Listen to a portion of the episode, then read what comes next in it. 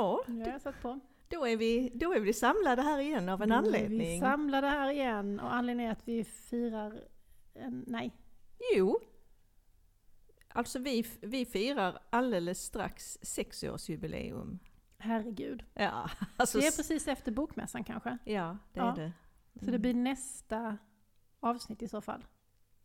Så blir det klang och jubel. Ja, Ja, ehm, ja. Får vi se vad som händer då. Ja. Det kanske blir en, eh, att vi dricker lite folköl. ja det tycker jag. För det, då kan det bli festligt. Ja. Nu dricker vi bara te. Så idag blir det bara klang, Ja, inget jubel. nej, men lite klang ändå. För vi ska ju lyssna på rektor Torbjörn. ja, Det gör vi nu.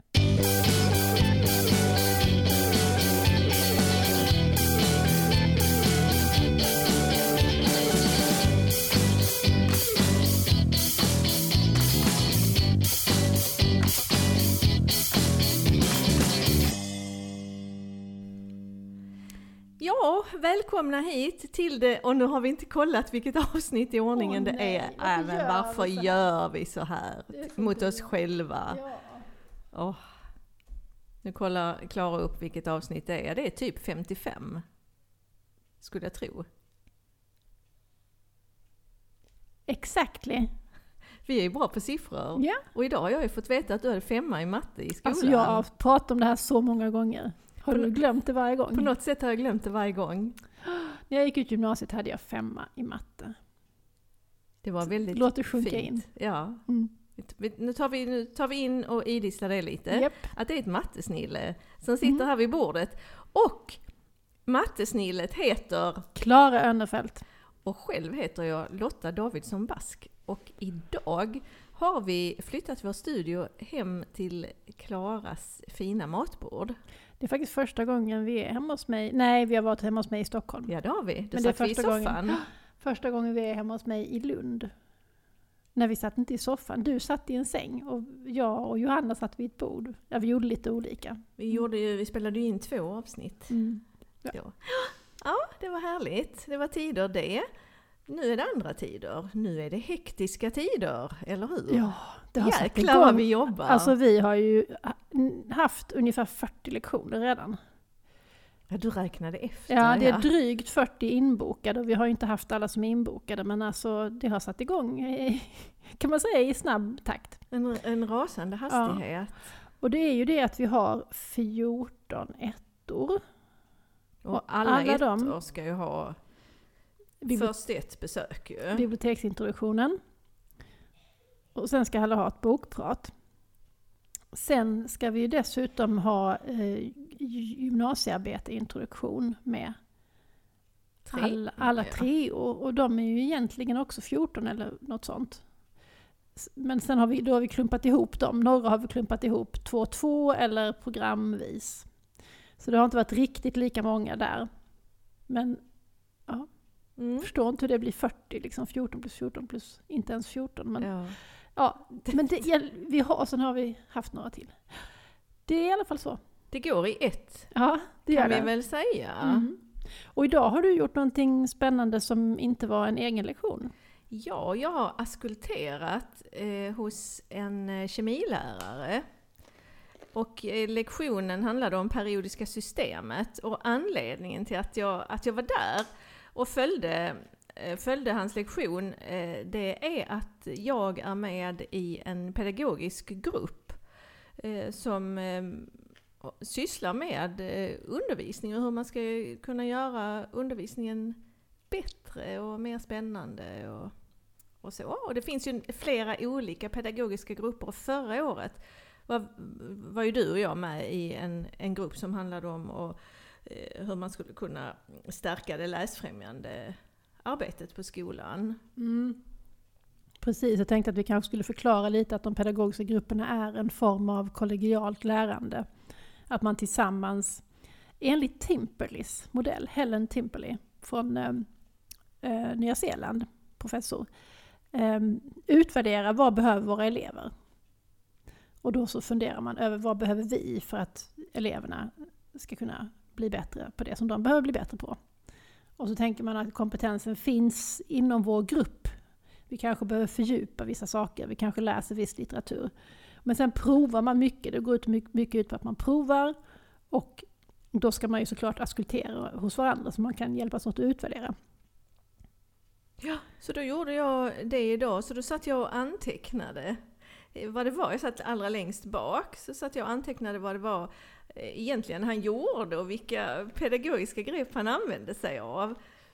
Och, och, för det första så hade han ju lagt ut placeringskort, så att när eleverna kom in så kikade de var de skulle sitta någonstans. Så det var ingen oro, får jag sitta eh, där eller kan jag sitta bredvid henne eller eh, ja. Och sen så stod lektionsplaneringen på tavlan Eh, när de kom in.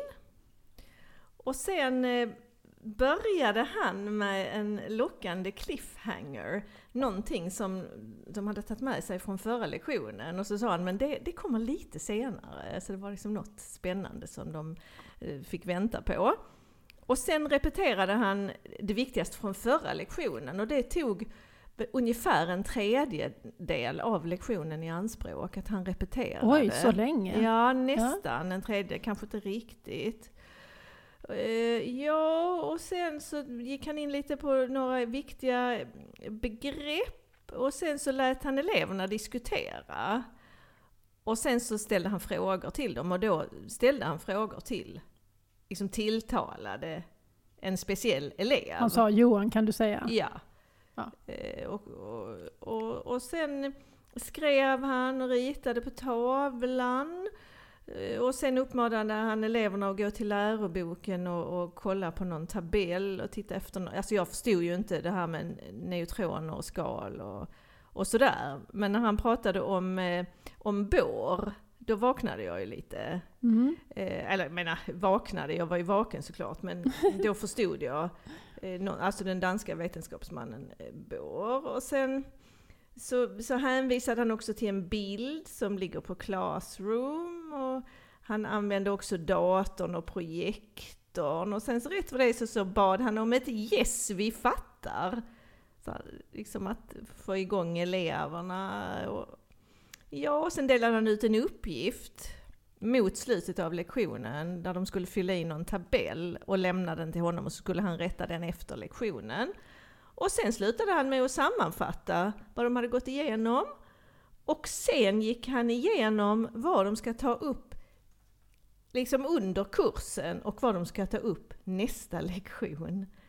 Så det var, det var så Alltså det var så bra regisserat, eller det låg ett fantastiskt eh, manus bakom hans lektion. Men när kom han till cliffhangern? Ja, det kom man till. Det, det hade att göra med de här olika skalen och mm. periodiska systemet och, och, så. Här. Jag förstod inte okay. det fantastiska, men det, det gjorde förhoppningsvis de. Verkade de uppslukade? Ja, nej men de, de var helt med. Det var, det var ett år. Och de var aktiva på lektionen? De var aktiva på lektionen och, och ställde frågor och, mm. och så.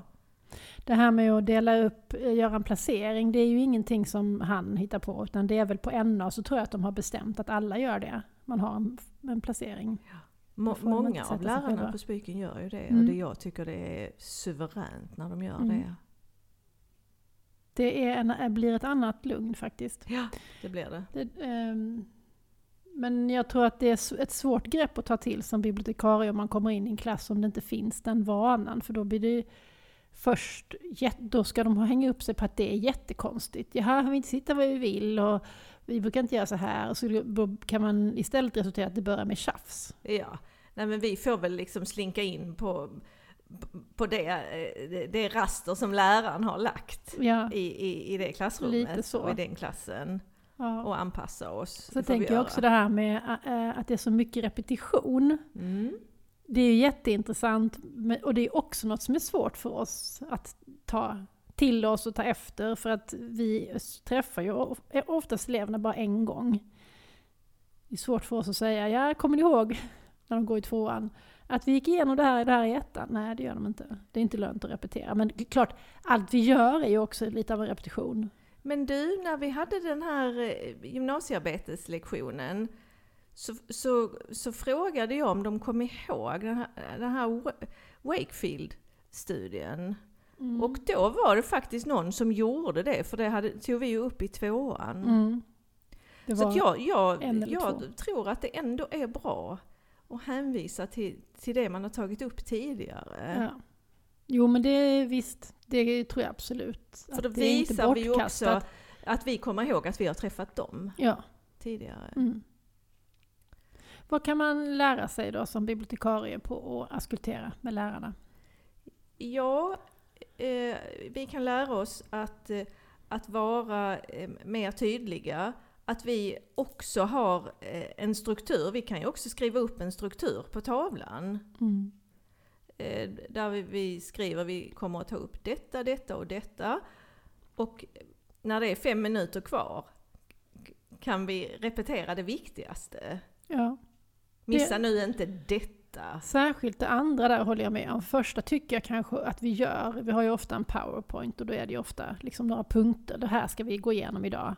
Så det tycker jag kanske vi gör lite grann, eller ja. Men det, an, det andra där tänker jag att det kan vi absolut ta med oss. Mm.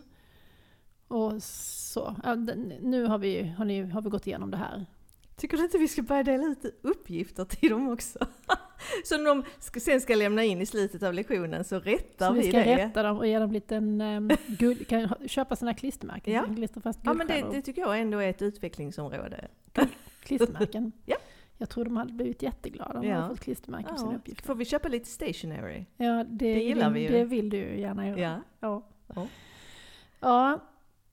Men det var just det vi hade en GYA-lektion som vi, eller förresten var du färdig? Vill du säga någonting mer om detta? Nej men jag, nej. Det går bra? Mm. Ja. Nej men vi hade ju en GYA-lektion när vi liksom väntade. Det var en sån här dag, det var en dag som var helt dedikerad åt gymnasiearbetena. Så att eleverna drällde lite. De skulle gå från det ena till det andra. Och vi väntade liksom i klassrummet på att eleverna skulle drälla in och då hamnade vi i samtal med en elev. Och började prata om det här med om... Eh, ja men den här eleven sa lite i termer av att jag har alltid fått höra att jag är så smart, så för mig har det varit svårt att um, det har varit svårt att uh, arbeta i skolan helt enkelt. Och då började vi prata lite om det här med begåvning kontra grit, som det pratades så väldigt mycket om För några år sedan. ja, för några år sedan. Ehm, sen kom det ju också en, en eh, krönika i DN. Eller kanske var för långt för att kallas för krönika. Det, det, det, var, det är väl en krönika?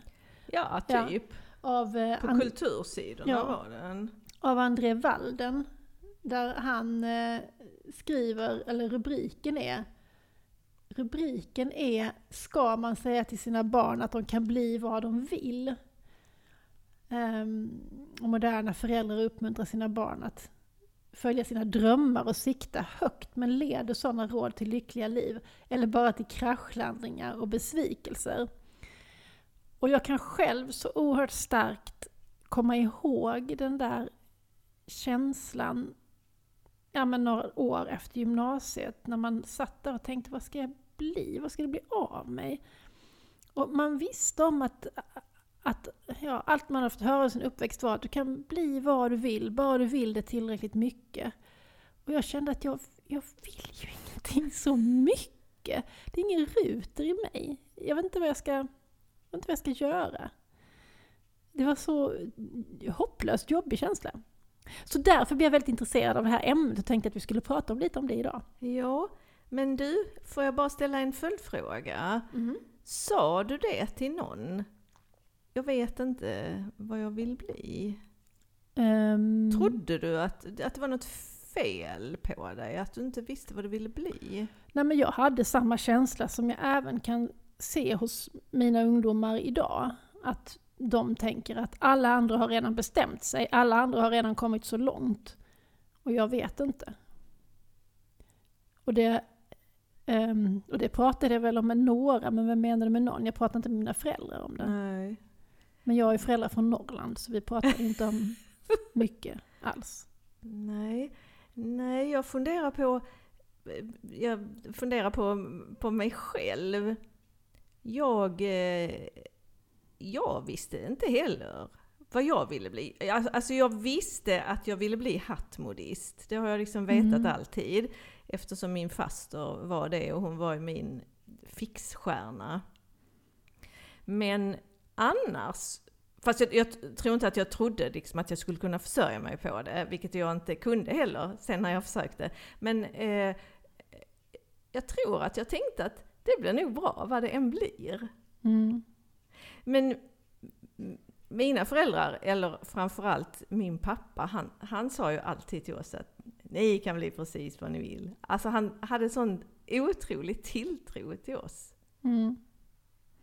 Alltså för mig det tror jag det handlar om att mina föräldrar var liksom lärare, läkare, alla runt omkring mig var sådana här saker som man kan säga vad det är. Det fanns inga så här entreprenörer eller folk som höll på med lite av varje, utan folk var förskollärare eller ingenjörer eller alltså ty, såna tydliga titlar. Det fanns ingen poddare helt enkelt. Inga poddare. fanns kanske någon journalist. Mm. Men eh, sjukgymnast, lärare, läkare, förskola, du vet så tydliga handfasta yrken. Ehm, och det är ju inte sant att jag inte gjorde någonting av mitt liv, för att jag, eftersom jag inte visste vad jag ville bli, så satsade jag ju istället på att bli mamma, för att jag visste att jag ville ha barn. Så tänkte jag, men då kan jag skaffa barn och så kan jag eh, fundera på det andra sen. Men det ledde ju också till att det tog ganska lång tid, så då hade ju alla mina kompisar nästan blivit färdiga och börjat yrkesarbeta innan jag ens hade börjat med att utbilda mig. Och då blir det ännu jobbigare liksom. Mm. Jag var ju ännu senare än du. Eh, för jag, alltså vi träffades ju på utbildningen Mm. på, till bi, Mm. biblioteks och informationsvetenskap här i Lund. Och då, eh, eh, ja, då var jag ju, och är ju äldre än, än du. Så att min väg fram till, till detta yrket som jag verkligen inte har ångrat en sekund. Min väg fram till detta yrket var ju lite krokig. Jag hade ju läst annat. Ja, också. du hade ju också eh, utbildat dig till andra saker och jobbat ganska länge med andra saker. Ja. Ja, det hade jag. Men eh, ska vi, ska vi gå, tillbaka till den gode André Walden? Mm, det gör vi. Vad, vad, vad säger vi om detta? Han, han, tar ju upp, han tar ju upp några olika exempel. Är det något, något speciellt av, av dem som du har funderat på? Nej, jag har kanske inte direkt något um, exempel från honom, men det, det är mer den där an, allmänna känslan av att, eller han har kommit till insikt eh, om detta, att, um, att mata eh, barn med den här föreställningen, att, att det kanske leder till, till um, mer svåra fall än, för jag menar, och vi pratade om det här häromdagen också, att ehm, många kanske jobbar för att de vill bli första violinist i en, i en symfoniorkester. Ja, de övar så in Ja. i bängen. Och man övar och övar och övar och övar. Men man, kommer, man blir kanske inte det, man kanske blir musikskolelärare. Ja. Ehm, Men om vi inte hade alla de som satsade på att bli första violinister så skulle ju skulle vi inte ha någon musikskollärare kanske. Det är få som går in på musikhögskolan och tänker att ja, men jag ska bara bli lite halvdan. Utan de flesta är väl ändå att ja, men jag ska... Ja. Så att det finns ju ett helt system kring att det, norr, alla måste kämpa men, men några ska bara bli jävligt goa kvar på mitten. Det är de som blir lärare hos oss eller ja.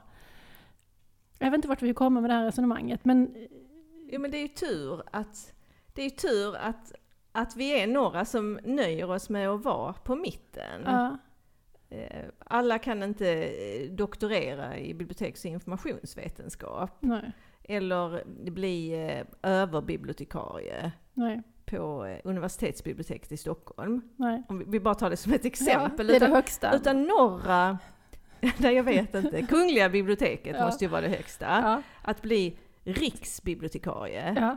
ja, Det, det kunde inte du och jag bli. Det, det jobbet var inte ledigt. Så det är väl tur att vi, att vi får vara på Spyken. För att vi, vi trivs ju jättebra där. Och jag tror att vi gör ett bra jobb. Jag tror att vi gör skillnad. jo, jo. Det tror jag också. Hade vi varit lyckligare om vi var riksbibliotekarie? Jag tror att svaret är nej. Men nej. nej. nej, nej. Men det är så mycket annat som ligger i det liksom. Alltså, det är ju inte riktigt att jämföra riksbibliotekarie och eh, fotbollsstjärna eller första violinist. Inte? Nej. Jaha, det trodde jag. Nej, jag tycker inte det. Men ja, Du tycker det är bättre att vara fotbollsstjärna? det jag undrar är egentligen hur det här, hur det här resonemanget liksom ska giftas ihop. Därför att det som vi började med, den här eleven som tyckte att hon hade fått höra för mycket att hon var begåvad, så att hon hade glömt, liksom inte fått lära sig hur man jobbar för att uppnå sin dröm. I, i, I det som jag fick höra var ju att ja, men du kan bli vad du vill, bara du vill det tillräckligt mycket. Och då antar jag att, att de som sa det till mig inte menade att jag bara skulle sitta hemma i soffan och säga jag vill, jag vill, jag vill. Utan jag skulle få jobba lite. Du skulle kämpa? Viljan skulle göra att jag gick ut och jobbade hårt för att lära mig att bli violinist. Men det är ju inte heller riktigt sant, för det är ju inte alla som kan bli violinister. Man måste kanske ha speciella fysiska förutsättningar, man måste ha börjat öva innan man är tre år så att benen i handen inte eh, stelnar i fel läge. Ehm, ja, man måste ha en jävligt bra rygg så att man kan sitta i den där konstiga arbetsställningen och hålla på och fila. Och detsamma gäller ju en fo- fotbollsproffs. Det, alla kan ju inte ha de förutsättningar för det, varken mentalt eller fysiskt. Några sabbar knäna redan i eh, ungdomslandslaget. Ja, visst, och, och, och sen är den eh, karriären över. Um, jag, jag tänkte på Ingmar Stenmark eh, som, eh, där det pratades om eh, att han, att han hade tur. Och så sa han, ja det är konstigt. Ju mer jag tränar, ju mer tur får jag. Ja, och det är ju en skitsnygg eh, övergång, eller tillbakablick till den här lektionen du var med på. Ja, För du var ju uppenbarligen med en väldigt skicklig lärare. ja, En som hade övat mycket. Och vilken tur han hade som hade en sån lugn och fin klass. ja det hade han. Ja, Och var det tur? Eller var det bara ren och skär skicklighet? Det var, det, det var förmodligen en kombination. Att han var lugn, han kunde namnen på dem allihopa. Eh, han tog emot dem på ett fint sätt. Eh, han öppnade dörren, de kom in, de visste var de skulle sätta sig. Ja. De visste hur den här lektionen skulle gå till. Mm. Det fanns ingen osäkerhet. Jag tycker att det, tror att det ligger mycket skicklighet i det. Sen är det klart att vi har kanske tur med vårt elevunderlag i stort på Spiken. Men eh, när jag jobbade på lågstadiet och träffade alla grupper så var det ju alltid samma lärare som hade tur, som hade liksom lugna elever och kaosiga elever. Det var ju det var, det var samma. Alltså, så att Mm.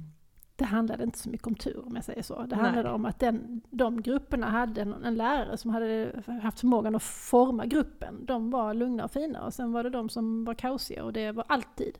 Jag jobbade där i 12 år. Så jag har ju sett några klasser komma och gå. Det var samma.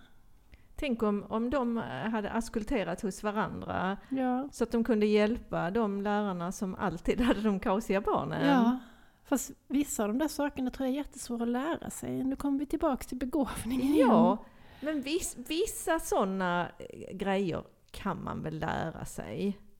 Alltså är man en nervös person så är man ju en nervös person. Men, men om, om man lär sig handlaget, om man lär sig att lägga ut de där namnlapparna, Ja. ja, bara ett exempel, så, så, så kanske det, förutsättningarna är bättre att Ja. det blir en bra lektion. Ja, så är det ju såklart.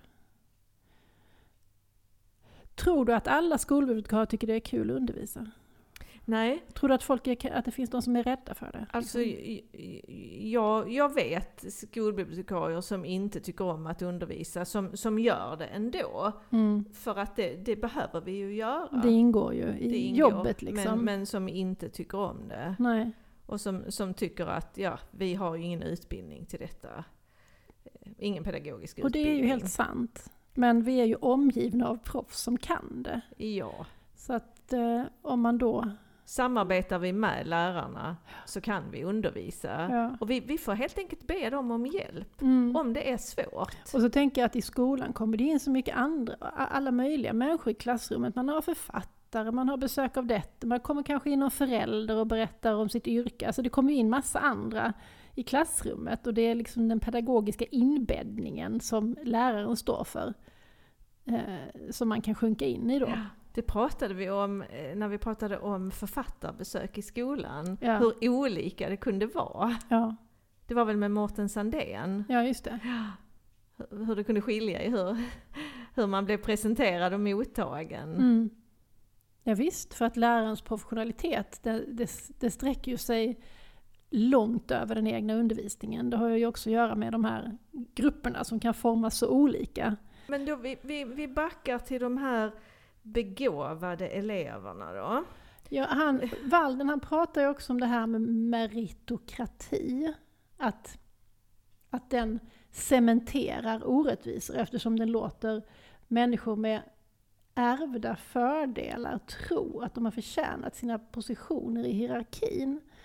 Och det tycker jag var liksom, eh, jag vet inte om, om det är så det är menat med meritokrati, för den är väl till skillnad då från aristokratin, där Ja, man då så- har ärvda fördelar Ja, så i form av pengar också. och så vidare. Men meritokratin ska ju då istället vara att man har eh, Alltså att det är en samhällsordning där individer rangordnas eh, efter eh, förmåga och förtjänster.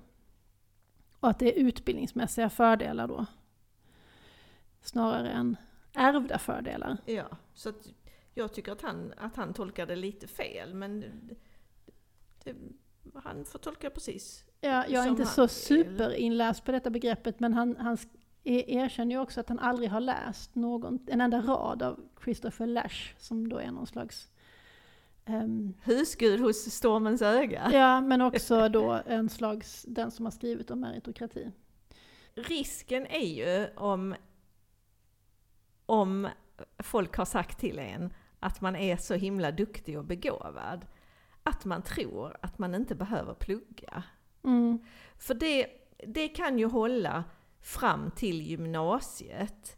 Att man klarar sig för att man är smart och intelligent och, och lite socialt begåvad och, och man läser en dagstidning och man diskuterar hemma och, och så vidare. För en del klar, räcker det ju hela gymnasiet också. ja, åtminstone få gå ut liksom med, med betyg, kanske Ja. inte toppbetyg, men liksom godkända betyg kan det absolut räcka genom gymnasiet också. Men sen blir det ju svårt Mm, när man läser vidare, om man läser vidare på universitet och högskolor. mm, För då, då, då krävs det lite grit också. yes. Och, och lite, inte bara grit, men också faktiskt tekniker. Att man, Studieteknik. Att man har lärt sig studieteknik.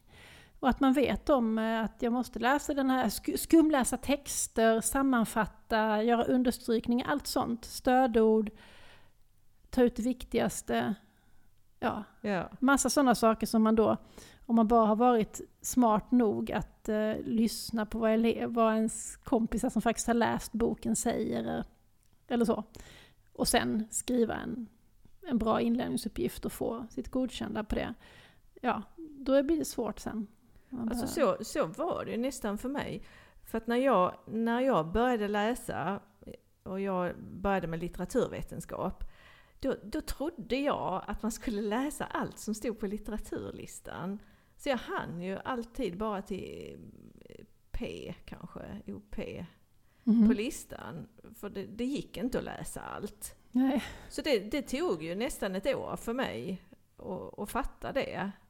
Så sen när jag läste konstvetenskap så, så lärde jag mig att sovra Mm. lite och vad, vad jag kunde skippa. Mm. Men det var ju för att jag eh, inte pluggade i skolan alls. För att jag, jag trodde ju inte att det behövdes. Jag tyckte inte att skolan var intressant. Och så gick jag bara ett och ett halvt år på gymnasiet. Så, och så gick jag på folkhögskola sen. Och där, där lärde jag mig mycket. Mm. Ja, jag har alltid jobbat jättehårt i skolan och pluggat mycket. Jag har jobbat hårt för mina betyg. Var det någon som förhörde dig hemma någon gång? Ja, absolut. Det, Pappa förhörde mig när, det, bör- Ja. när, jag, när jag bad om det. Liksom. det gjorde inte mina föräldrar. Vi, vi fick klara läxorna själva. Och om, om jag behövde hjälp så var det någon av mina stora systrar som fick hjälpa mig. Mm. Det var väl mest Barbro då som är närmast mig i ålder. Men var det för att föräldrarna inte ville eller? Eller man frågade bara inte föräldrarna? Ointresserad. Ja.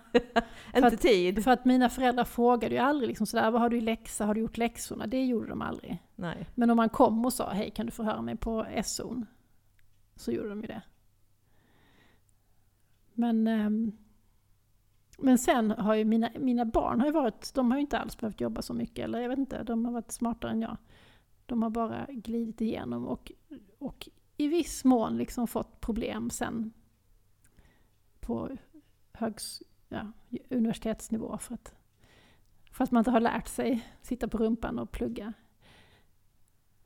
Så det, ja, det är väldigt olika. Det är väldigt olika. Och vad är det då som, vad är det som, som gör eh, om man lyckas eller inte? Eh, André Walden pratar ju också om att bli lycklig. Det är ju det som jag tänker. Att eh, det, det är det som man vill åt. Att man ska bli lycklig. Ja, jag... Är, är första violinisten lyckligare än den kom, läraren på kommunala kulturskolan? Ja, jag tror ju ofta att, att den som är lite dummare är också lite gladare. För då förstår man inte hur jäkla tokigt det är i världen. Ja, fast nu, om vi nu pratar inte om dumma människor utan bara normalbegåvade. Liksom. Okej, Alltså jag menar, det kan vara a curse. man, man får inte, jag, jag tänker ju att den som blir eh, bibliotekarie på Spiken eller kulturskollärare inte är dummare än den som blir första violinist. Det nej, något- nej. den har inte lyckats riktigt så Nej. bra. Eller, eller hade inte tur. Ja, tur när den övade. Ja, exakt. ja men det är det. Oj, nu slocknade här en sak. Mm. Ja, nej det är det här om man har tur eller inte. Så, så tänker jag ju då på, jag tänker ju på eh, Ingrosso, vad heter hon? Ja, Bianca? Bianca Ingrosso. Som, som, som gärna eh, berättar att man inte man behöver inte gå i skolan och man behöver, behöver inte plugga, man kan bli miljonär ändå. Säger hon det? Ja men typ. Hon, hon, hon eh, lever ju det livet kanske så att hon utstrålar det, men säger hon det de facto också? I så fall tycker jag att vi ska Ja, stämma. jag, jag tycker inte, inte om när, när kända människor säger till unga människor att de inte behöver, att de inte behöver studera, att det går lika bra ändå. För att det är väl ändå undantaget. Att, att man är miljonär innan man är 25 utan att ha, ha pluggat. Det är absolut undantaget och det är ju kanske ett problem för att alla unga människor idag matas med de här bilderna via sociala medier. Det finns då eh, youtubers som har tjänat jättemycket pengar eller eh, andra typer av influencers. Eh, och frågar du liksom en, ett gäng mellanstadieelever vad de vill bli så, så är det nog ett gäng som säger att de vill bli youtubers eller influencers. Och tjäna mycket pengar. Ja. Och det, det, det kommer ju, några kommer bli första violinister men icke alla. Och, de, och då kan inte de ens bli lärare på kulturskolan för de har ingen utbildning. Nej. För det, det är det som är skillnaden när du satsar mot första violinist. Då har du i alla fall en gedigen utbildning även om du hamnar på liksom, även om du stannar på 17 plats liksom. Och sen tror jag alltid att utbildning är av godo. Apropå det lyckliga livet ja. Ja. För att ju mer bildad du är, och då, då talar du ju emot att dumma människor skulle vara lyckligare, men ju mer du vet, ju mer du förstår av din omvärld och referenser till olika saker, om du ser ett tv-program eller du läser en bok eller en film, och ju mer sådana här korskopplingar mellan olika saker du kan göra, ju roligare blir livet. Ja, det, det blir väldigt roligt. Å andra sidan så, så får du också fler val att Ja, göra. och mer då har vi ju, och då har vi ju det här med ångest Ja. inför, inför alla valmöjligheter vi har. Ja.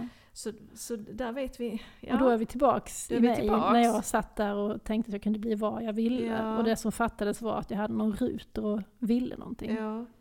Men jag, jag backar då till, till mina studier innan jag läste biblioteks och informationsvetenskap. Jag, jag läste ju konstvetenskap Mm. och, och skrev faktiskt magisteruppsats i konstvetenskap och har ju inte jobbat med det en enda dag. Men det har berikat mitt liv, Mm. verkligen. Mm. Eh, Så att jag är väldigt glad att, att, jag, att, jag, läste, att jag läste konstvetenskap. Mm. Och så pass mycket också. För Mm. att det var, det var väldigt, väldigt roligt. Men jag, jag tänkte på det här hur stor, hur stor påverkan vi har som föräldrar. Mm. Vad är det som formar eh, våra barn? Och då, då tänker jag på en, en händelse eh, när eh, min dotter sa till mig Allt handlar inte om dig mamma. Och det var någon gång när jag, ah, men jag var deppig och tyckte att jag hade gjort att jag hade gjort något fel, eller jag undrade vad har jag gjort för fel? Alltså i samband med någonting som hände henne? Ja. Eller så? Eller som ja. någonting som hade med hennes mående eller någonting att göra? Ja, vi- som någon eh, liksom föräldraskapsgrej. Ja. Och då så sa hon, allt handlar inte om dig mamma. Och det tyckte jag var, det var så jäkla bra. Mm. Så det rådet ger jag kompisar när de är deppiga för att de tycker att de inte har räckt till som, som föräldrar. Då säger jag, för det första säger jag att du har gjort allt du har kunnat. Mm. Och sen handlar inte allt om dig. Nej. Det finns andra faktorer i livet. Ja. Alltså som förälder kommer man ju misslyckas under en period. Det kan vara liksom trotsåldern eller det kan vara tonåren Ja. eller det kan vara någon gång när man känner att vad jag än gör så är det här, går det åt pipan liksom. Ja. Men ehm, för det mesta blir det ju bra. Det är bara att bita ihop och gå det är vidare. bara att bita ihop och gå vidare för att det blir ju nästan alltid bra sen. När de väl blir vuxna. Ja, ja det, bara, man kommer, bara man tar sig igenom högstadiet. Ja, bara man tar igen För sig genom det är högstadiet. ju inte roligt för många, Nej, eller hur? nej. Men vad, vad säger vi om André Waldens fråga då? Ska vi säga till våra barn att de kan bli vad de vill? Ja, det kan vi väl göra. Ja, Precis alltså, lika... för att motsatsen är ju helt märklig. Ska ja, vi säga, du kan inte bli ja men kanske om man har ett barn som är liksom 12 och som säger men nu ska jag börja bli, öva mig för att bli konsertviolinist. Då kanske man ska säga att eh, det tåget har gått, men vad kul om du vill spela gitarr. För att, eller vad kul om du vill lära spela gitarr, vad menar jag? Jag menar, vad kul om du vill, om du vill spela, om du vill spela fiol. Schack är Ja, det också bra. Jag. Min hjärna funkar, det kommer ut helt andra ord. Men det är, alltså det är väldigt varmt och fuktigt i Lund om ni undrar eh, varför vi skrattar lite. Ja, men det här ska vi, klippa vi bort. klipper bort lite men lite kan vara kvar. Ja. Då tycker jag man kan säga, vad kul att du vill spela fiol, för att det har man ju alltid glädje av, att spela ett instrument, även om man inte kommer att bli första violinist i um, um, Göteborgs filharmonikerna. Ja, så det finns väl kanske gränser för vad man ska uppmuntra. Jag menar om de säger, ja men jag vill bli youtuber så jag ska inte, hopp, jag ska inte utbilda mig. Ska man säga, men satsa på det då? Då kan man säga, utbilda dig först. Och så, och så grejar du lite med Youtube under tiden och, och sen. Mm. För det är faktiskt flera framstående idrottspersonligheter som har pluggat vid sidan av. Mm. Mm. För att, eh, att ha någonting när karriären är slut. Ja. Ja, nej, så att, så att visst, man kan inte säga till dem, eh, nej det kan du inte bli. Utan man måste ju, särskilt när de är små, kanske, låta dem tro att de kan bli vad de vill. Ja. Även om man vet att det inte är sant. ja men att de vill bli prinsessa till exempel. Ja. Det är väl onödigt att säga att det kan inte du bli. nej, precis. Det, För att det jag är, är inte faktiskt drottning. omöjligt. Du måste gifta dig med en prins, det finns inte så många prinsar. Och de som finns, de vill du inte ha, nej. kanske. Nej, så det får vi nog ändå göra. Jag hörde också på intervjun i Babel att han är- extremt överbeskyddande mot sina barn, André Walden. Aha. Så han har varit liksom, han har inte ens, liksom, de har inte ens fått gå över gatan själva när de var tio år gamla typ. Så att ehm, han, det här är väl också del i att han vill beskydda sina barn från det här fallet som man tror att de kommer att göra då om de siktar mot att bli någonting som de sen visar sig att de faktiskt inte kan bli. Och det är väl också han, hans eget trauma från uppväxten som han då vill kompensera genom att... Eftersom han hade en ganska farlig uppväxt?